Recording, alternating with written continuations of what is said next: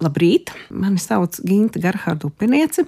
Es esmu Latvijas Nacionālā mākslas muzeja Latvijas vizuālās mākslas departamenta vadītāja. Un vai jūs zinat, ka slavenā diplomāta, vēsturnieka un publicista Alfreda Bilmaņa portrets, ko gleznoja Romanis Suts 20. gadsimta 20. gados, tika slēpts no sabiedrības, un tam bija attiecīgi iemesli. Lieta ir tāda, ka padomu laikā darbus, uz kuriem bija Latvijas karogi, visādos veidos lika vai nu slēpt vai iznīcināt.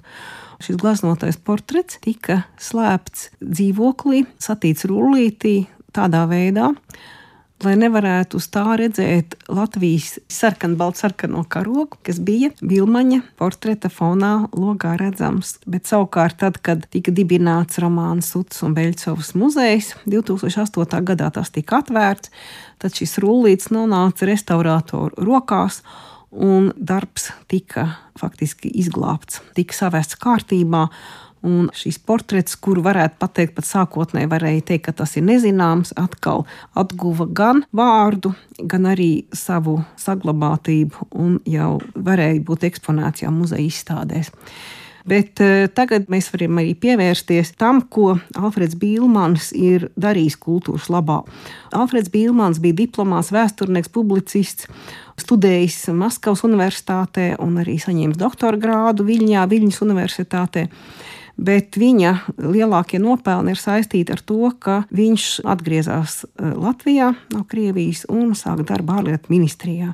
Viņa lielie nopelni ir tas, ka ārlietu ministrijas preses nodaļā viņš strādāja, bet pēc tam jau uzņēmās vadītāja amatu.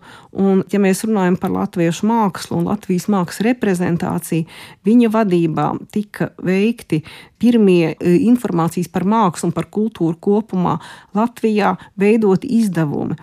Un kaut arī, piemēram, izdevums, kas ir izdots 1926. gadā, saucās Latvijas māksla, tas tad ir franču valodā.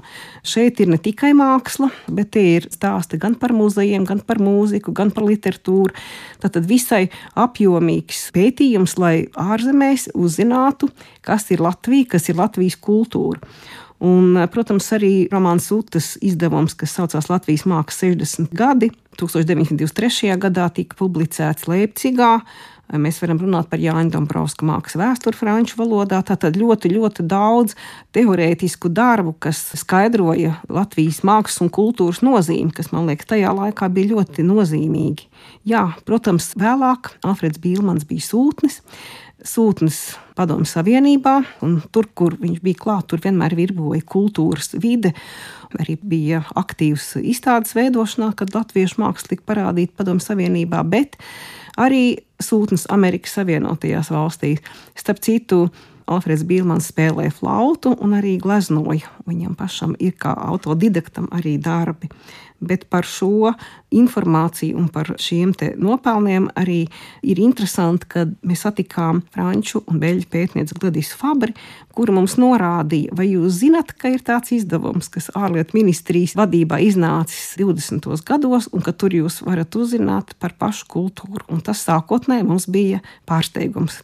Tagad mēs to visu izmantojam arī savās atsaucēs un pētījumos.